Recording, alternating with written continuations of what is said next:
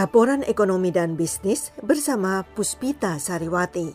Maskapai penerbangan American Airlines memberitahukan kepada sekitar 25 ribu pegawainya bahwa kemungkinan mereka akan di PHK bulan Oktober karena merosotnya permintaan perjalanan lewat udara sebagai akibat pandemi virus corona yang berdampak pada industri penerbangan. CEO American Airlines mengatakan hari Rabu jumlah PHK bisa lebih sedikit jika cukup banyak pegawai yang mengambil buyout atau menerima pesangon untuk keluar dari perusahaan atau bersedia menerima status cuti dengan bayaran gaji sebagian untuk kurun dua tahun. Dua pejabat tinggi maskapai itu mengatakan mereka tadinya berpendapat maskapai itu kemungkinan bisa menghindari PHK itu karena yakin permintaan untuk perjalanan udara akan pulih pada 1 Oktober ketika pandemi melemah. Tapi sayangnya situasi tidak berkembang seperti itu, kata CEO Dow Parker dan Presiden Robert Isom dalam suratnya kepada para pegawainya.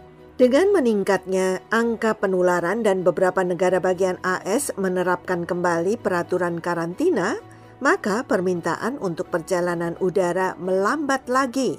Perjalanan udara anjlok 95 persen dari awal Maret hingga pertengahan April, lalu naik perlahan pada Juli, persis ketika kasus virus melonjak di negara-negara bagian selatan dan barat daya AS.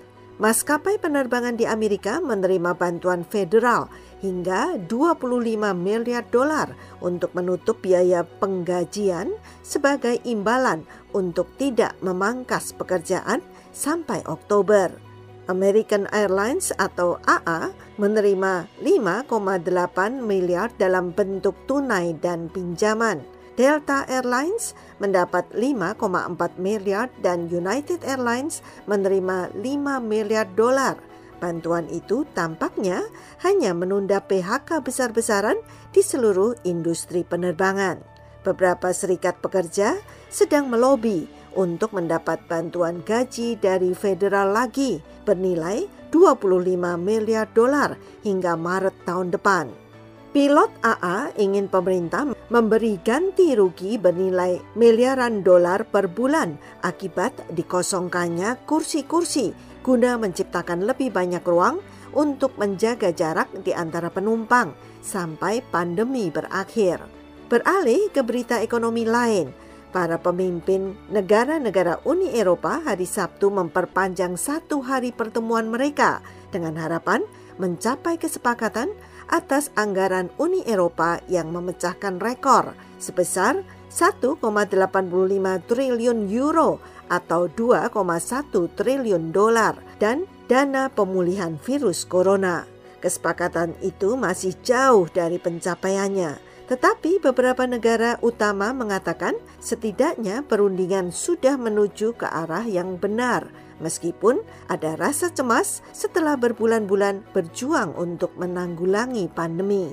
Ketegangan-ketegangan itu terlihat ketika Kanselir Jerman Angela Merkel dan Presiden Prancis Emmanuel Macron bangkit dan berjalan keluar dari pertemuan dengan kelompok yang disebut Frugal Four atau empat negara hemat yang terdiri dari negara-negara kaya Eropa Utara yaitu Austria, Denmark, Belanda dan Swedia yang ingin membatasi hibah dan memberlakukan persyaratan ketat pada sebagian besar negara-negara selatan yang paling menderita akibat pandemi.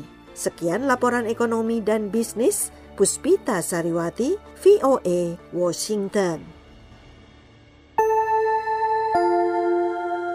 The Voice of America.